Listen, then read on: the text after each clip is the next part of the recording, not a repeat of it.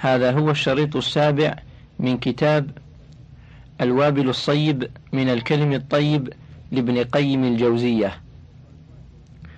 عنوان الذكر أسبق أعمال الآخرة. الثالثة والستون أن الذكر سبب لتصديق الرب عز وجل عبده فإنه أخبر عن الله تعالى بأوصاف كماله ونعوت جلاله. فإذا أخبر بها العبد صدقه ربه. ومن صدقه الله تعالى لم يحشر مع الكاذبين ورجي له أن يحشر مع الصادقين. روى أبو إسحاق عن الأغر أبي موسى أنه شهد على أبي هريرة وأبي سعيد الخدري رضي الله عنهما أنهما شهدا على رسول الله صلى الله عليه وسلم أنه قال: إذا قال العبد لا إله إلا الله والله أكبر قال يقول الله تبارك وتعالى صدق عبدي لا إله إلا أنا وأنا أكبر. وإذا قال لا إله إلا الله وحده قال صدق عبدي لا إله إلا أنا وحدي. وإذا قال لا إله إلا الله لا شريك له قال صدق عبدي لا إله إلا أنا لا شريك لي. وإذا قال لا إله إلا الله الملك له الملك وله الحمد. قال صدق عبدي لا إله إلا أنا لي الملك ولي الحمد. وقال وإذا قال لا إله إلا الله ولا حول ولا قوة إلا بالله قال صدق عبدي لا إله إلا أنا ولا حول ولا قوة إلا بي. قال أبو إسحاق ثم قال في الآخر شيئا لم أفهمه. قلت لأبي جعفر ما ما قال؟ قال من رزقهن عند موته لم تمسه النار. الهامش صحيح الترمذي في الدعوات باب ما يقول العبد إذا مرض. الحديث الثلاثون بعد الأربعمائة والثلاثة آلاف. وابن ماجة في الأدب باب فضل لا إله إلا الله. الحديث الرابع والتسعون بعد السبعمائة والثلاثة آلاف. وابن حبان في صحيحه الحديث الخامس والعشرون بعد الثلاثمائة والألفين. والحاكم في المستدرك الجزء الأول الصفحة الخامسة. وصحيح الجامع للألباني الحديث الثالث عشر بعد السبعمائة. والسلسلة الصحيحة له الحديث التسعون بعد الثلاثمائة والألف. انتهى الهامش. الرابعة والستون. أن دور الجنة تبنى بالذكر. فإذا أمسك الذاكر عن الذكر أمسكت الملائكة عن البناء. ذكر ابن أبي الدنيا في كتابه عن حكيم بن محمد الأخنسي قال بلغني أن دور الجنة تبنى بالذكر فإذا أمسك عن الذكر أمسكوا عن البناء. فقيل لهم فيقولون حتى تأتينا نفقة. وذكر ابن أبي الدنيا من حديث أبي هريرة عن النبي صلى الله عليه وسلم قال من قال سبحان الله وبحمده سبحان الله العظيم سبع مرات بني له برج في الجنة. الهامش لم أستطع الوصول إلى مصدره. انتهى الهامش. وكما أن بناءها بالذكر فغراس بساتينها بالذكر. كما تقدم في حديث النبي صلى الله عليه وسلم عن إبراهيم الخليل عليه السلام أن الجنة طيبة التربة عذبة الماء وأنها قيعان وأن غراسها سبحان الله والحمد لله ولا إله إلا الله والله أكبر. الهامش سبق تخريجه. انتهى الهامش. فالذكر غراسها وبناؤها. وذكر ابن أبي الدنيا من حديث عبد الله بن عمر رضي الله عنهما أن رسول الله صلى الله عليه وسلم قال أكثروا من غراس الجنة. قالوا يا رسول الله وما غراسها؟ قال ما شاء الله لا حول ولا قوة إلا بالله. الهامش حسن. الهيثمي في مجمع الزوائد الجزء العاشر الصفحة الواحدة بعد المئة. والسيوطي في الجامع الصغير الجزء الأول الصفحة الخامسة والخمسون. وصحيح الجامع للألباني الحديث الثالث عشر بعد المئتين والألف. انتهى الهامش. الخامسة والستون أن الذكر سد بين العبد وبين جهنم فإذا كانت له إلى جهنم طريق من عمل من الأعمال كان الذكر سدا في تلك الطريق فإذا كان ذكرا دائما كاملا كان سدا محكما لا منفذ فيه ولا وإلا فبحسبه. قال عبد العزيز بن أبي رواد الهامش صدوق عابد. ربما وهم ورمي بالإرجاء أي الانتساب إلى مذهب المرجئة مات سنة تسع وخمسين للهجرة. التقريب الجزء الأول الصفحة التاسعة بعد الخمسمائة. انتهى الهامش. كان رجل بالبادية قد اتخذ مسجدا فجعل في قبلته سبعة أحجار. كان إذا قضى صلاته قال يا أحجار أشهدكم أنه لا إله إلا الله. قال فمرض الرجل. فعرج بروحه.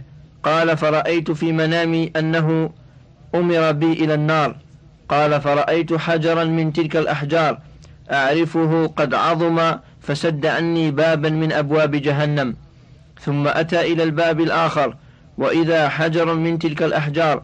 أعرفه قد عظم فسد عني بابا من أبواب جهنم. حتى سدت عني بقية حتى سدت عني بقية الأحجار أبواب جهنم. السادسة والستون. أن الملائكة تستغفر للذاكر كما تستغفر للتائب كما روى حسين المعلم عن عبد الله بن يزيد عن عبد الله بن بريدة عن عامر الشعبي عن عبد الله بن عمرو بن العاص قال أجد في كتاب الله المنزل أن العبد إذا قال الحمد لله قالت الملائكة رب العالمين. وإذا قال الحمد لله رب العالمين قالت الملائكة اللهم اغفر لعبدك. وإذا قال سبحان الله قالت الملائكة وبحمده. وإذا قال سبحان الله وبحمده قالت الملائكة اللهم اغفر لعبدك.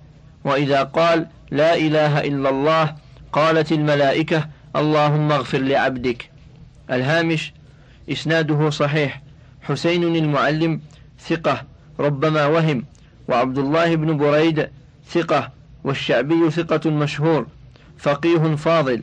التقريب الجزء الأول الصفحة السادسة والسبعون بعد المئة والسابعة والثمانون بعد الثلاثمائة والرابعة بعد الأربعمائة انتهى الهامش.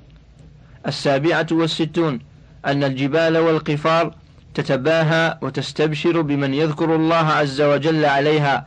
قال ابن مسعود إن الجبل لينادي الجبل باسمه. أمر بك اليوم أمر بك اليوم أحد يذكر الله عز وجل؟ فإذا قال نعم استبشر. وقال عون بن عبد الله الهامش عون بن عبد الله ابن عتبة بن مسعود الهذلي ثقة عابد مات قبل سنة مئة وعشرين للهجرة. التقريب الجزء الثاني الصفحة التسعون. انتهى الهامش. قال إن البقاع لينادي بعضها بعضا. يا جارتاه أمر بك اليوم أحد يذكر الله؟ فقائلة نعم وقائلة لا. فقال الأعمش عن مجاهد. الهامش الأعمش سليمان بن مهران ثقة حافظ. عارف بالقراءة لكنه كان يدلس. التقريب الجزء الأول الصفحة التاسعة والسبعون بعد المئتين. أما مجاهد فهو أبو الحجاج المخزومي ثقة إمام في التفسير والعلم. الجزء الثاني الصفحة التاسعة والعشرون بعد المئتين. انتهى الهامش. قال إن الجبل لينادي الجبل باسمه يا فلان هل مر بك اليوم ذاكر لله عز وجل؟ فمن قائل لا ومن قائل نعم. الثامنة والستون أن كثرة ذكر الله عز وجل أمان من النفاق فإن المنافقين قليلو الذكر لله عز وجل. قال الله عز وجل في المنافقين ولا يذكرون الله إلا قليلا الهامش سورة النساء الآية الثانية والأربعون بعد المئة. انتهى الهامش. وقال كعب الهامش هو ابن مانع الحميري أبو إسحاق المعروف بكعب الأحبار ثقة وليس له في البخاري رواية وفي مسلم له رواية واحدة. التقريب الجزء الثاني الصفحة الخامسة والثلاثون بعد المئة. انتهى الهامش. قال من أكثر ذكر الله عز وجل برئ من النفاق ولهذا والله أعلم ختم الله تعالى سورة المنافقين بقوله تعالى يا أيها الذين آمنوا لا تلهكم أموالكم ولا أولادكم عن ذكر الله ومن يفعل ذلك فأولئك هم الخاسرون. الهامش المنافقون الآية الخامسة. انتهى الهامش. فإن في ذلك تحذيرا من فتنة المنافقين الذين غفلوا عن ذكر الله عز وجل فوقعوا في النفاق. وسئل بعض الصحابة رضي الله عنهم عن الخوارج منافقون هم قال لا المنافقون لا يذكرون الله إلا قليلا. فهذا من علامة النفاق قلة ذكر الله عز وجل وكثرة ذكره أمان من النفاق. والله عز وجل أكرم من أن يبتلي قلبا ذاكرا بالنفاق وإنما ذلك لقلوب غفلت عن ذكر الله عز وجل. التاسعة والستون أن للذكر من بين الأعمال لذة لا يشبهها شيء فلو لم, فلو لم يكن للعبد من ثوابه إلا اللذة الحاصلة للذاكر والنعيم الذي يحصل لقلبه لكفى به.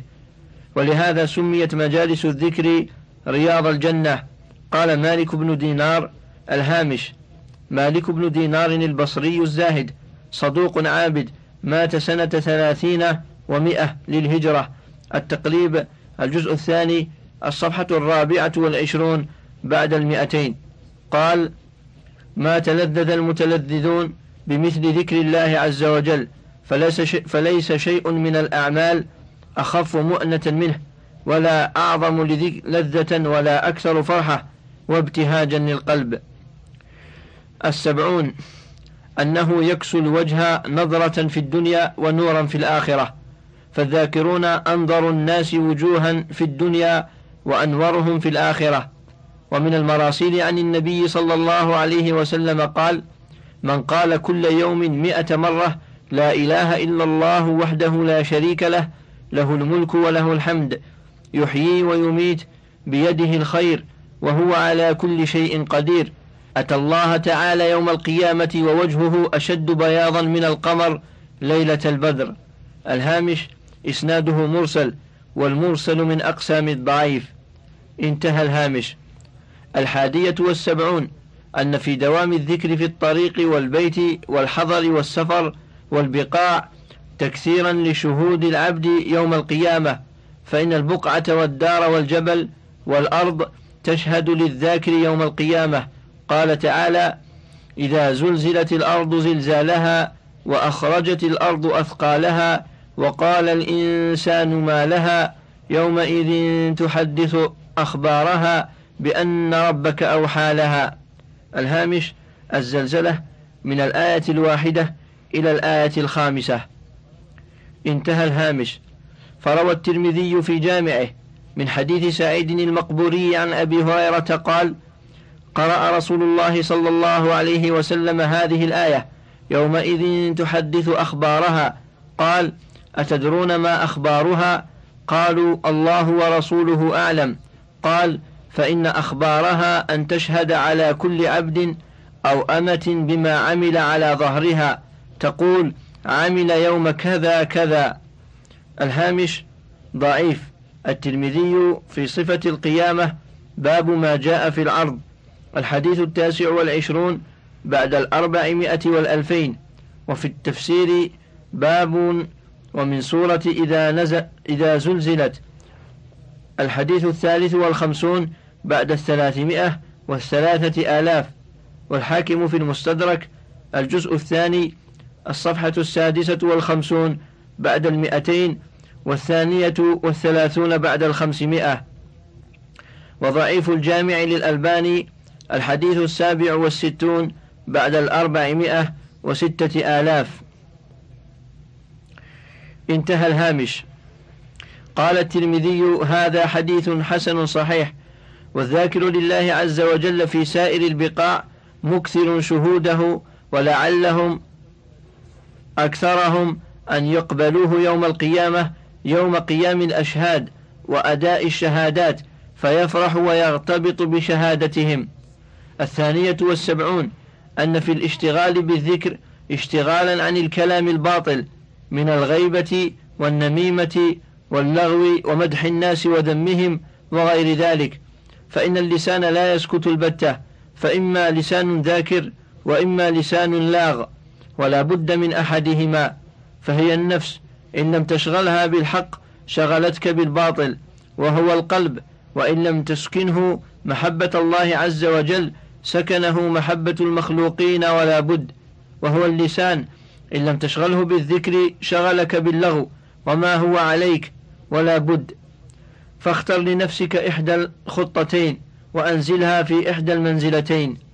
الثالثة والسبعون وهي التي بدأنا بذكرها وأشرنا إليها إشارة فنذكرها ها هنا مبسوطة لعظيم الفائدة بها وحاجة كل أحد بل ضرورته إليها وهي أن الشياطين قد احتوشت العبد وهم أعداؤه فما ظنك برجل قد احتوشه أعداؤه المحن المحنقون عليه غيظا وأحاطوا به. الهامش يقال حاشا القوم الصيد نفره بعضهم على بعض ليصيدوه. واحتوش القوم الصيد حاشوه. واحتوش الشيء وعليه أحاطوا به وجعلوه وسطهم. انتهى الهامش. وكل منهم يناله بما يقدر عليه من الشر والأذى ولا سبيل إلى تفريق جمعهم عنه إلا بذكر الله عز وجل. وفي هذا الحديث العظيم الشريف الشريف القدر الذي ينبغي لكل مسلم أن يحفظه فنذكره بطوله لعموم فائدته وحاجة الخلق إليه. وهو حديث سعيد بن المسيب عن عبد الرحمن بن سمرة بن جندب قال خرج علينا رسول الله صلى الله عليه وسلم يوما وكنا في صفة بالمدينة فقام علينا فقال إني رأيت البارحة عجبا رأيت رجلا من أمتي أتاه ملك الموت ليقبض روحه فجاءه بره بوالديه فرد ملك الموت عنه ورأيت رجل رجلا من أمتي قد بسط عليه عذاب القبر. فجاء وضوءه فاستنقذه من ذلك. ورأيت رجلا من أمتي قد احتوشته الشياطين فجاءه ذكر الله عز وجل فطرد الشيطان عنه. ورأيت رجلا من أمتي قد احتوشته ملائكة العذاب فجاءته صلاته فاستنقذته من أيديهم. ورأيت رجلا من أمتي يلتهب وفي رواية يلهث عطش كلما دنا من حوض منع وطرد. فجاءه صيام شهر رمضان فأسقاه ورواه. ورأيت رجلا من أمتي ورأيت النبيين جلوسا حلقا حلقا كلما دنا إلى حلقة طرد. فجاء غسله من الجنابة فأخذ بيده فأقعده إلى جنبي. ورأيت رجلا من أمتي بين يديه ظلمة ومن خلفه ظلمة وعن يمينه ظلمة وعن يساره ظلمة ومن فوقه ظلمة ومن تحته ظلمة وهو متحير فيها فجاءه حجه وعمرته فاستخرجاه من الظلمة وأدخلاه في النور. ورأيت رجلا من أمتي يتقي بيده وهج النار وشرره. فجاءته صدقته فصارت سترة بينه وبين النار وظللت على رأسه. ورأيت رجلا من أمتي يكلم المؤمنين ولا يكلمونه. فجاءته صلته لرحمه فقالت يا معشر المسلمين إنه كان وصولا لرحمه فكلموه. فكلمه المؤمنون وصافحوه وصافحهم. ورأيت رجلا من أمتي قد احتوشته الزبانية فجاءه أمره بالمعروف ونهيه عن المنكر فاستنقذه من أيديهم وأدخله في ملائكة الرحمة. ورأيت رجلا من أمتي جاثيا على ركبتيه وبينه وبين الله عز وجل حجاب فجاءه حسن خلقه فأخذ بيده فأدخله على الله عز وجل. ورأيت رجلا من أمتي قد ذهبت صحيفته من قبل شماله فجاءه خوفه من الله عز وجل فأخذ صحيفته فوضعها في يمينه. ورأيت رجلا من أمتي خف ميزانه فجاءه أفراطه فثقلوا ميزانه. ورأيت رجلا من أمتي قائما على شفير جهنم فجاءه وجله من الله عز وجل فاستنقذه من ذلك ومضى. ورأيت رجلا من أمتي قد أهوى في النار فجاءته دمعته التي بكى من خشية الله عز وجل فاستنقذته من ذلك. ورأيت رجلا من أمتي قائما على الصراط يرعد كما ترعد السعفة في ريح عاصف. فجاءه حسن ظنه بالله عز وجل فسكن رعدته ومضى. ورأيت رجلا من أمتي يزحف على الصراط ويحبو أحيانا ويتعلق أحيانا فجاءته صلاته علي فأقامته على قدميه وأنقذته. ورأيت رجلا من أمتي انتهى إلى أبواب الجنة فغلقت الأبواب دونه فجاءته شهادة أن لا إله إلا الله ففتحت له الأبواب وأدخلته الجنة. الهامش ضعيف. السيوطي في الجامع الصغير الجزء الأول الصفحة السابعة بعد المئة. وضعيف الجامع للألباني الحديث الخامس والثمانون بعد الألفين. وأفراطه جمع فرط يقال فرط فلان أو فرط فلان ولدا وأفرط احتسبه صغيرا. ويقال فرط له ولد أو فرط له ولد سبقه في إلى الجنة. والسعفة جريد النخل وورقه. انتهى الهامش. رواه الحافظ أبو موسى المديني. الهامش محمد بن عمر ابن أحمد المديني الأصبهاني. الشافعي محدث حافظ لغوي إخباري نسابة. ولد بأصبهان في السنة الأولى بعد الخمسمائة للهجرة وزار بغداد وهمذان وتوفي بأصبهان في السنة الأولى بعد الثمانين والخمسمائة للهجرة. من تصانيفه الكثيرة اللطائف من دقائق المعارف في علوم الحفاظ والأعارف الأخبار الطوال عوالي التابعين إلى آخره. قال في كتاب الترغيب في الخصال المنجية والترهيب من الخلال المردية وبنى كتابه عليه وجعله شرحا له وقال هذا حديث حسن جدا رواه عن سعيد بن المسيب عمرو بن آزر وعلي بن زيد بن جدعان وهلال أبو جبلة. وكان شيخ الإسلام ابن تيمية قدس الله روحه يعظم شأن هذا الحديث وبلغني عنه أنه كان يقول شواهد الصحة عليه والمقصود منه قوله صلى الله عليه وسلم ورأيت رجلا من أمتي قد احتوشته الشياطين فجاءه ذكر الله عز وجل فطرد الشيطان عنه. فهذا مطابق لحديث الحارث الأشعري الذي شرحناه في هذه الرسالة. الهامش انظر الفصل الذي عنوانه يحيى عليه السلام يبلغ أوامر الله. انتهى الهامش. وقوله فيه وأمركم بذكر الله عز وجل وإن مثل ذلك كمثل رجل طلبه العدو فانطلقوا في طلبه سراعا وانطلق حتى أتى حصنا حصينا فأحرز نفسه فيه. فكذلك الشيطان لا يحرز العباد أنفسهم منه إلا بذكر الله عز وجل.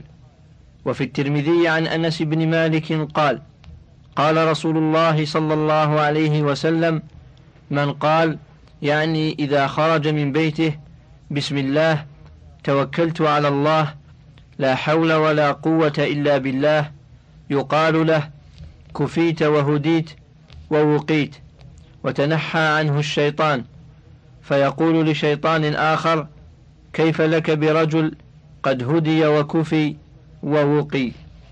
رواه أبو داود والنسائي والترمذي وقال حديث حسن. الهامش صحيح.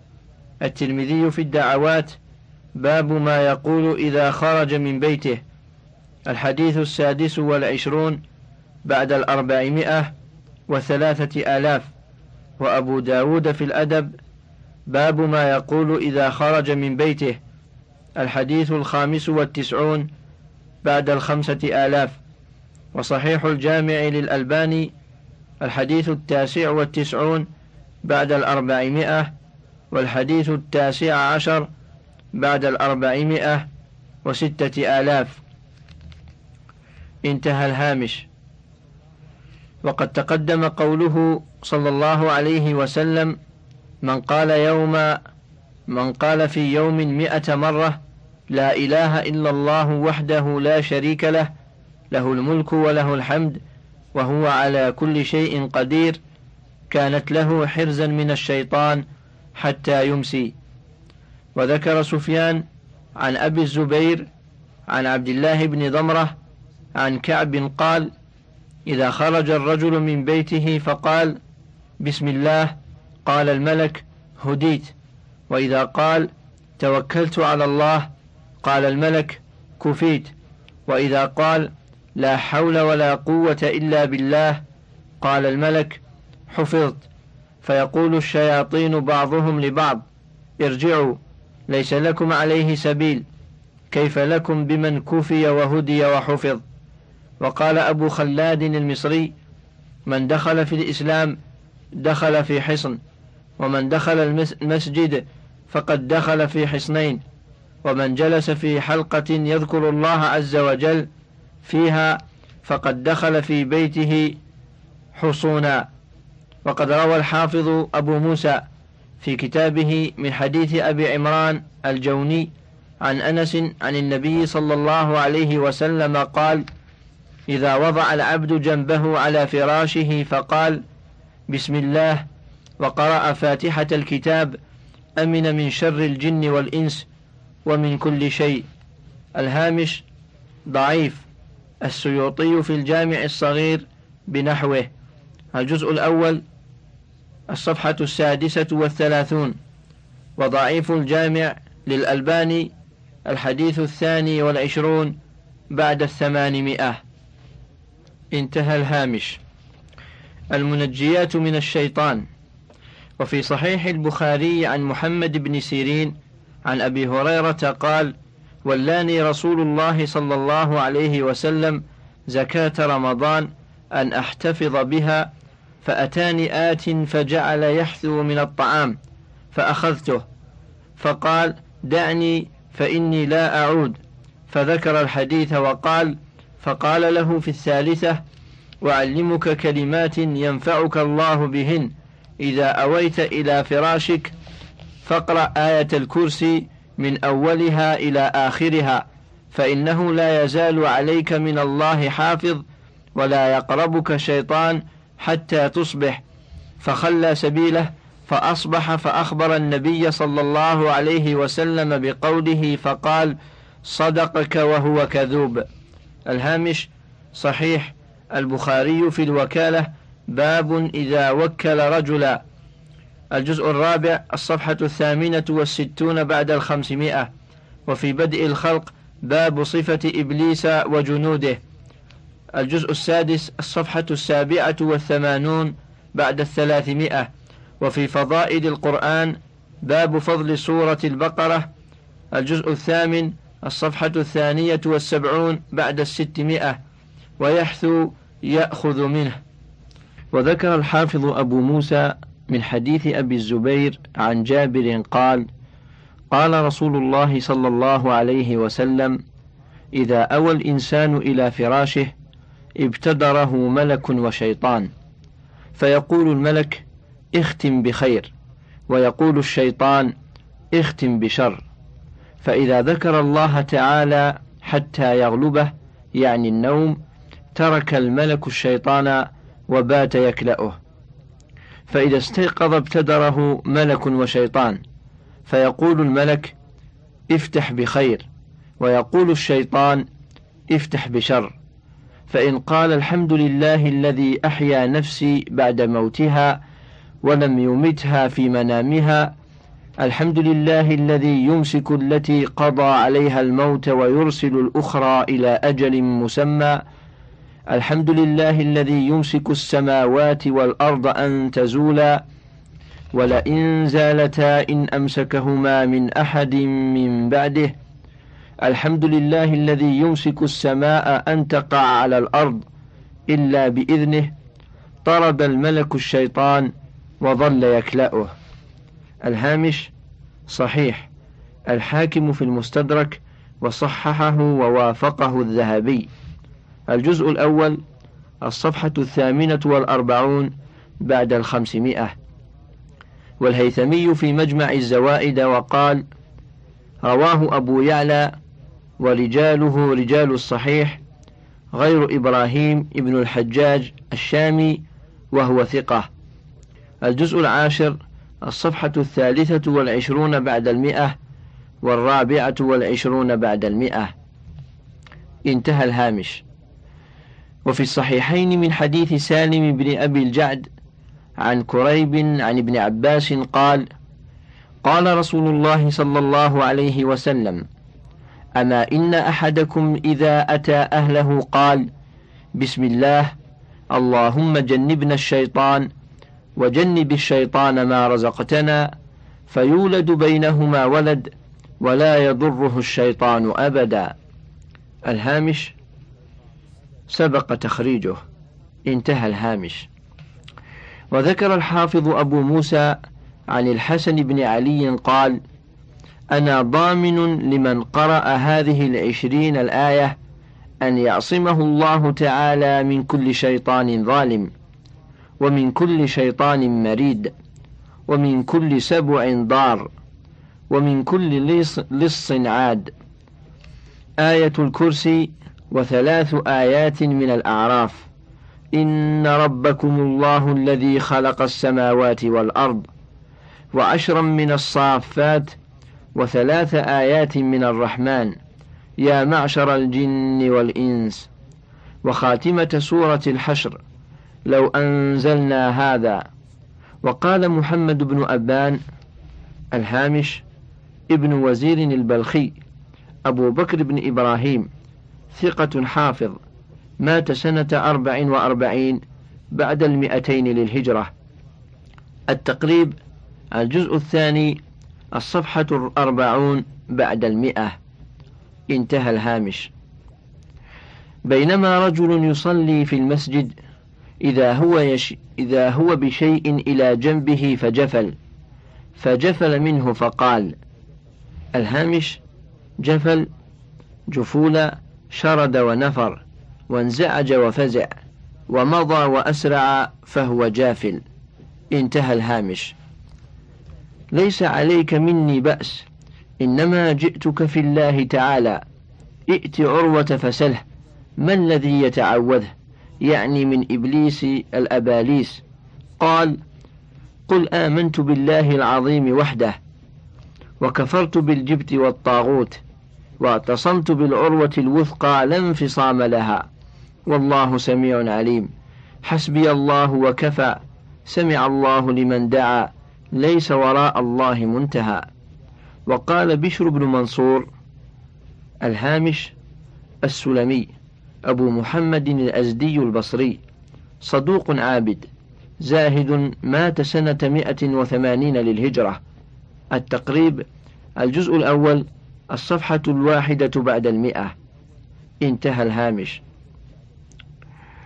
عن وهيب بن الورد الهامش وهيب بن الورد القرشي مولاهم المكي أبو عثمان أو أبو أمية ثقة عابد.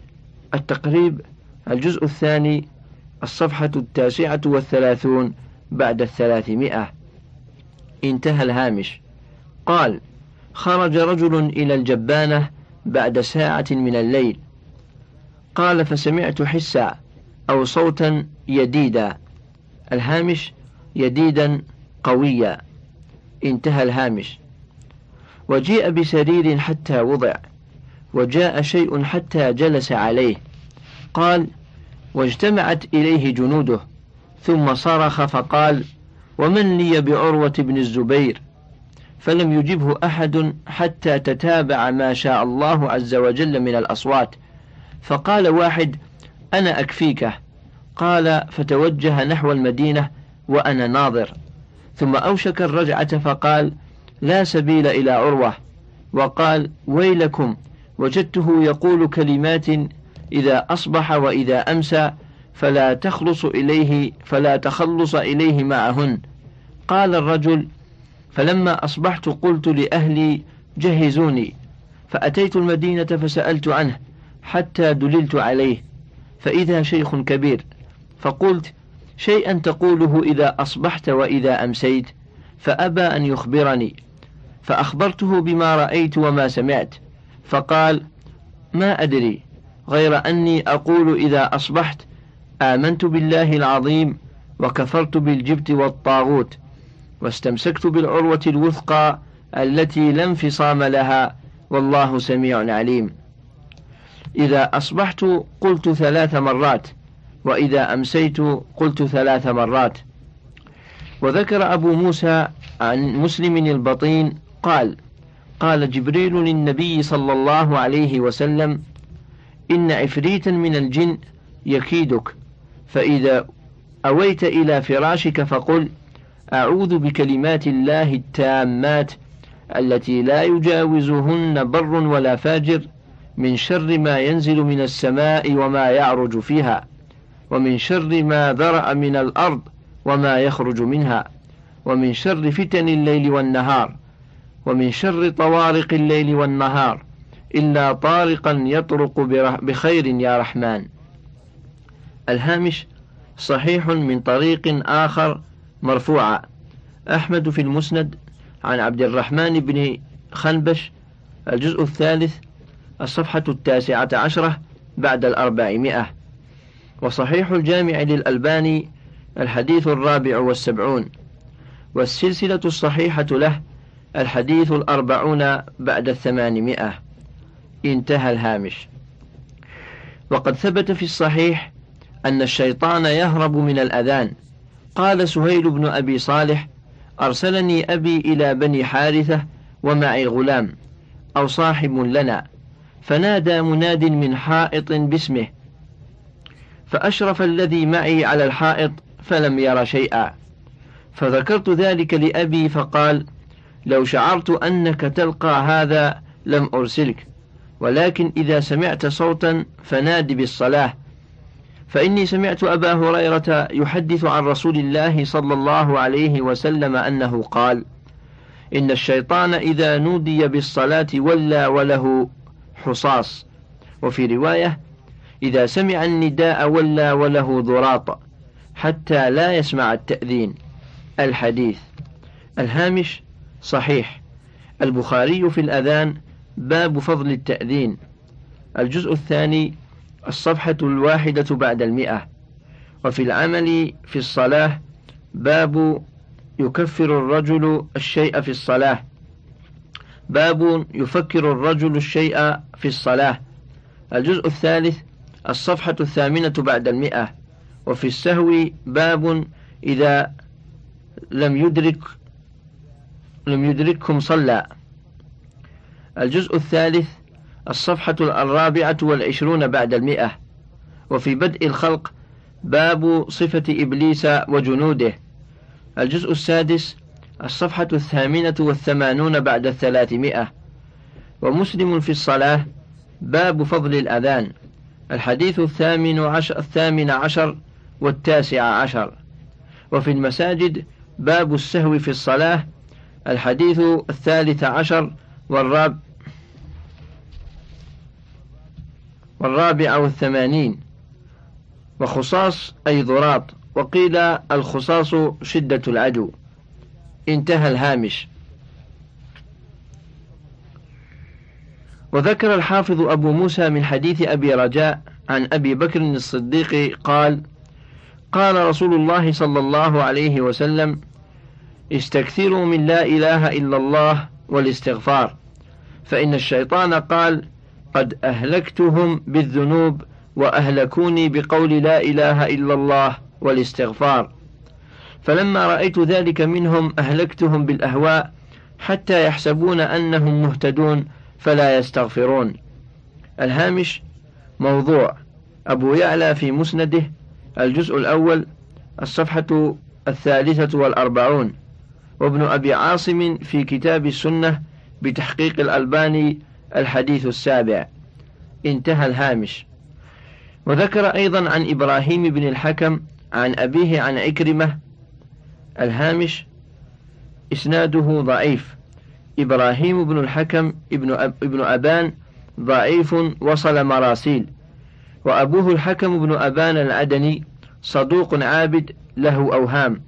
التقريب الجزء الأول الصفحة الرابعة والثلاثون والصفحة التسعون بعد المئة. انتهى الهامش.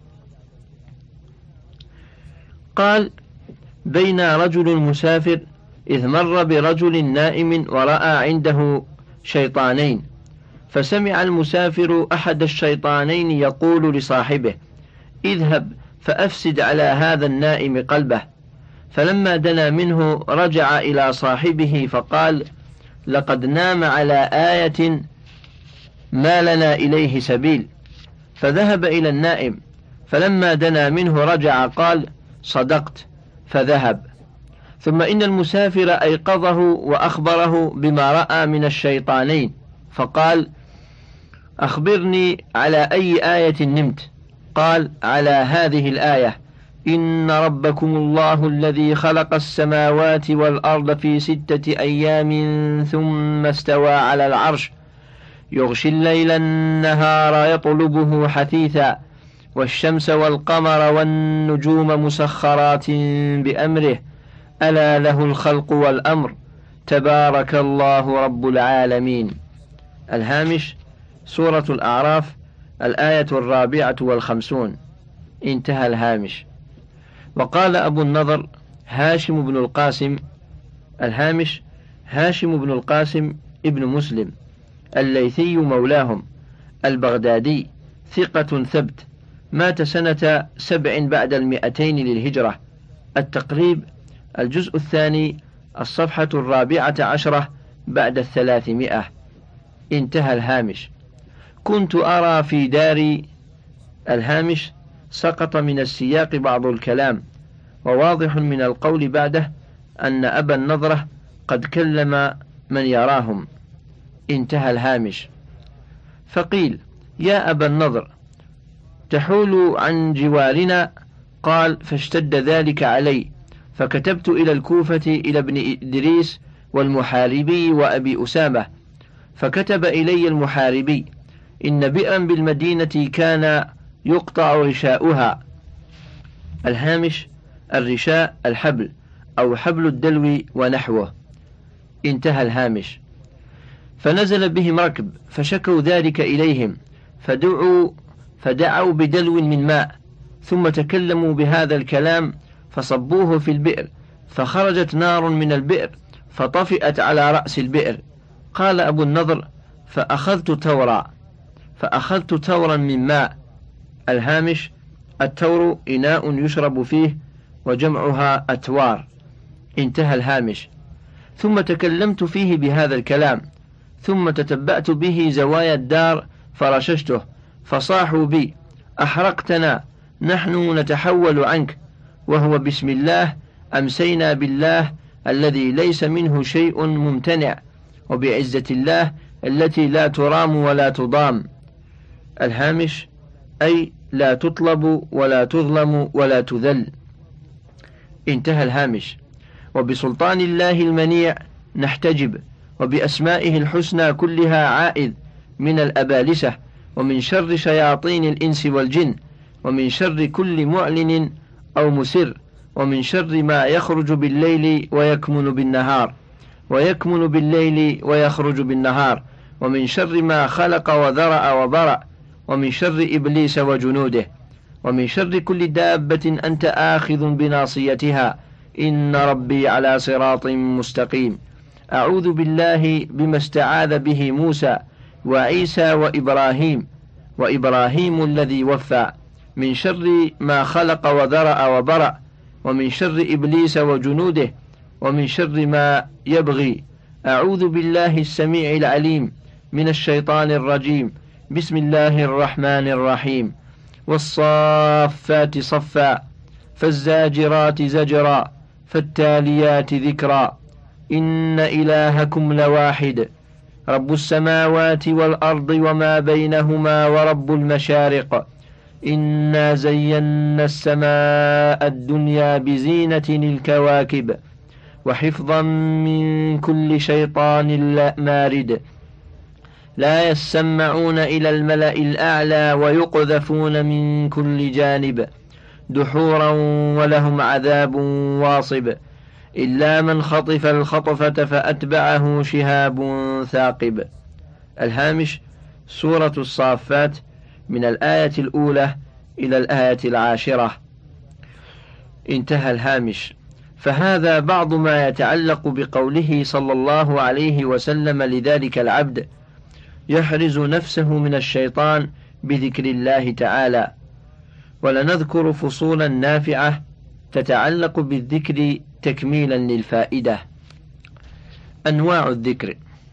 الرابعة والسبعون الذكر نوعان. أحدهما ذكر أسماء الرب تبارك وتعالى وصفاته والثناء عليه بهما وتنزيهه وتقديسه عما لا يليق به تبارك وتعالى. وهذا أيضا نوعان. أحدهما إنشاء الثناء عليه بها من الذاكر. وهذا النوع هو المذكور في الأحاديث.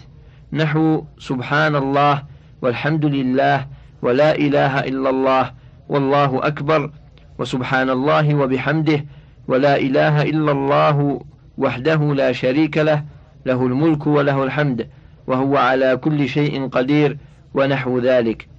فأفضل هذا النوع أجمعه للثناء وأعمه نحو سبحان الله عدد خلقه فهذا أفضل من مجرد سبحان الله. وقولك الحمد لله عدد ما خلق في السماء وعدد ما خلق في الأرض وعدد ما بينهما وعدد ما هو خالق أفضل من مجرد قولك الحمد لله. وهذا في حديث جويرية أن النبي صلى الله عليه وسلم قال لها لقد قلت بعدك أربع كلمات ثلاث مرات لو وزنت بما قلت منذ اليوم لوزنتهن. سبحان الله عدد خلقه سبحان الله رضاء نفسه سبحان الله زنة عرشه سبحان الله مداد كلماته. رواه مسلم. الهامش صحيح. مسلم في الذكر والدعاء. باب التسبيح أول النهار وعند النوم. الحديث التاسع والسبعون والثمانون. ورواه أبو داود وابن ماجه. انتهى الهامش. وفي الترمذي وسنن أبي داود عن سعد بن أبي وقاص أنه دخل مع رسول الله صلى الله عليه وسلم على امرأة بين يديها نوى أو حصى تسبح بها فقال أخبرك بما هو أيسر عليك من هذا وأفضل. فقال سبحان الله عدد ما خلق في السماء وسبحان الله عدد ما خلق في الأرض وسبحان الله عدد ما بين ذلك. وسبحان الله عدد ما هو خالق والله أكبر مثل ذلك والحمد لله مثل ذلك ولا إله إلا الله مثل ذلك ولا حول ولا قوة إلا بالله مثل ذلك. الهامش ضعيف. الترمذي في الدعوات باب في دعاء النبي صلى الله عليه وسلم وتعوذه دبر كل صلاة. الحديث الثامن والستون بعد الخمسمائة والثلاثة آلاف. وأبو داود في الصلاة باب التسبيح بالحصى. الحديث الخمسمائة بعد الألف. والحاكم في المستدرك الجزء الأول الصفحة الثامنة والأربعون بعد الخمسمائة. وضعيف الجامع للشيخ الألباني الحديث الرابع والخمسون بعد المئة والألفين. انتهى الهامش. الخامسة والسبعون. الثاني الهامش من وضع محقق. انتهى الهامش. الخبر عن الرب تعالى بأحكام أسمائه وصفاته. نحو قولك الله عز وجل يسمع أصوات عباده ويرى حركاتهم ولا تخفى عليه خافية من أعمالهم وهو أرحم بهم من آبائهم وأمهاتهم وهو على كل شيء قدير. وهو أفرح بتوبة عبده من الفاقد راحلته ونحو ذلك. وأفضل هذا النوع الثناء عليه بما أثنى به على نفسه وبما أثنى به عليه رسوله رسول الله صلى الله عليه وسلم من غير تحريف ولا تعطيل ومن غير تشبيه ولا تمثيل. وهذا النوع أيضا ثلاثة أنواع حمد وثناء ومجد. فالحمد لله الإخبار عنه بصفات كماله سبحانه وتعالى مع محبته والرضاء به فلا يكون المحب المحب الساكت حامدا ولا المثني بلا محبة حامدا حتى تجتمع له المحبة والثناء. فإن كرر المحامد شيئا بعد شيء كانت ثناء. فإن كان المدح بصفات الجلال والعظمة والكبرياء والملك كان مجدا. وقد جمع الله تعالى لعباده الأنواع الثلاثة في أول الفاتحة. فإذا قال العبد الحمد لله رب العالمين قال الله حمدني عبدي. وإذا قال الرحمن الرحيم قال أثنى علي عبدي. وإذا قال مالك يوم الدين قال مجدني عبدي. الهامش صحيح. مسلم في الصلاة باب وجوب قراءة الفاتحة في كل ركعة. الحديث الثامن والثلاثون كما رواه أصحاب السنن وأحمد. انتهى الهامش. السادسة والسبعون الآخر الهامش من وضع المحقق وهو النوع الثاني من أصل نوعي الذكر. انتهى الهامش. الآخر من الذكر ذكر أمره ونهيه وأحكامه وهو أيضا نوعان. أحدهما ذكره بذلك إخبارا عنه بأنه أمر بكذا ونهى عن كذا وأحب كذا وسخط كذا ورضي كذا. والثاني ذكره عند أمره فيبادر إليه وعند نهيه فيهرب منه. فذكر أمره ونهيه شيء وذكره عند أمره ونهيه شيء آخر. فإذا اجتمعت هذه الأنواع للذاكر فذكره أفضل الذكر وأجله وأعظمه. فائدة فهذا الذكر من الفقه الأكبر وما دونه أفضل الذكر إذا صحت فيه النية. ومن ذكره سبحانه وتعالى ذكر آلائه وإنعامه وإحسانه وأياديه ومواقع فضله على عبيده. وهذا أيضا من أجل أنواع الذكر. فهذه خمسة أنواع وهي تكون بالقلب واللسان تارة وذلك أفضل الذكر. وبالقلب وحده تارة وهي الدرجة الثانية وباللسان وحده تارة وهي الدرجة الثالثة. فأفضل الذكر ما تواطأ عليه القلب واللسان. وإنما كان ذكر القلب وحده أفضل من ذكر أفضل من ذكر اللسان وحده لأن ذكر القلب يثمر المعرفة ويهيج المحبة ويثير الحياء ويبعث على المخافة ويدعو إلى المراقبة ويزع ويزع عن التقصير في الطاعات. الهامش وزع الإنسان وغيره يزعه وزع كفه ومنعه وحبسه وزجره ونهاه. انتهى الهامش. والتهاون في المعاصي والسيئات. وذكر اللسان وحده لا يجيب شيئا من هذه الآثار. وإن أثمر شيئا منها فثمرة ضعيفة. انتهى الشريط السابع من كتاب الوابل الصيب من الكلم الطيب لابن قيم الجوزية. وإلى هنا أعتذر عن إكمال قراءة الكتاب ويكمله لكم زمل آخر. مع تحيات من قرأ هذا الجزء عليكم عبد العزيز الجزائري.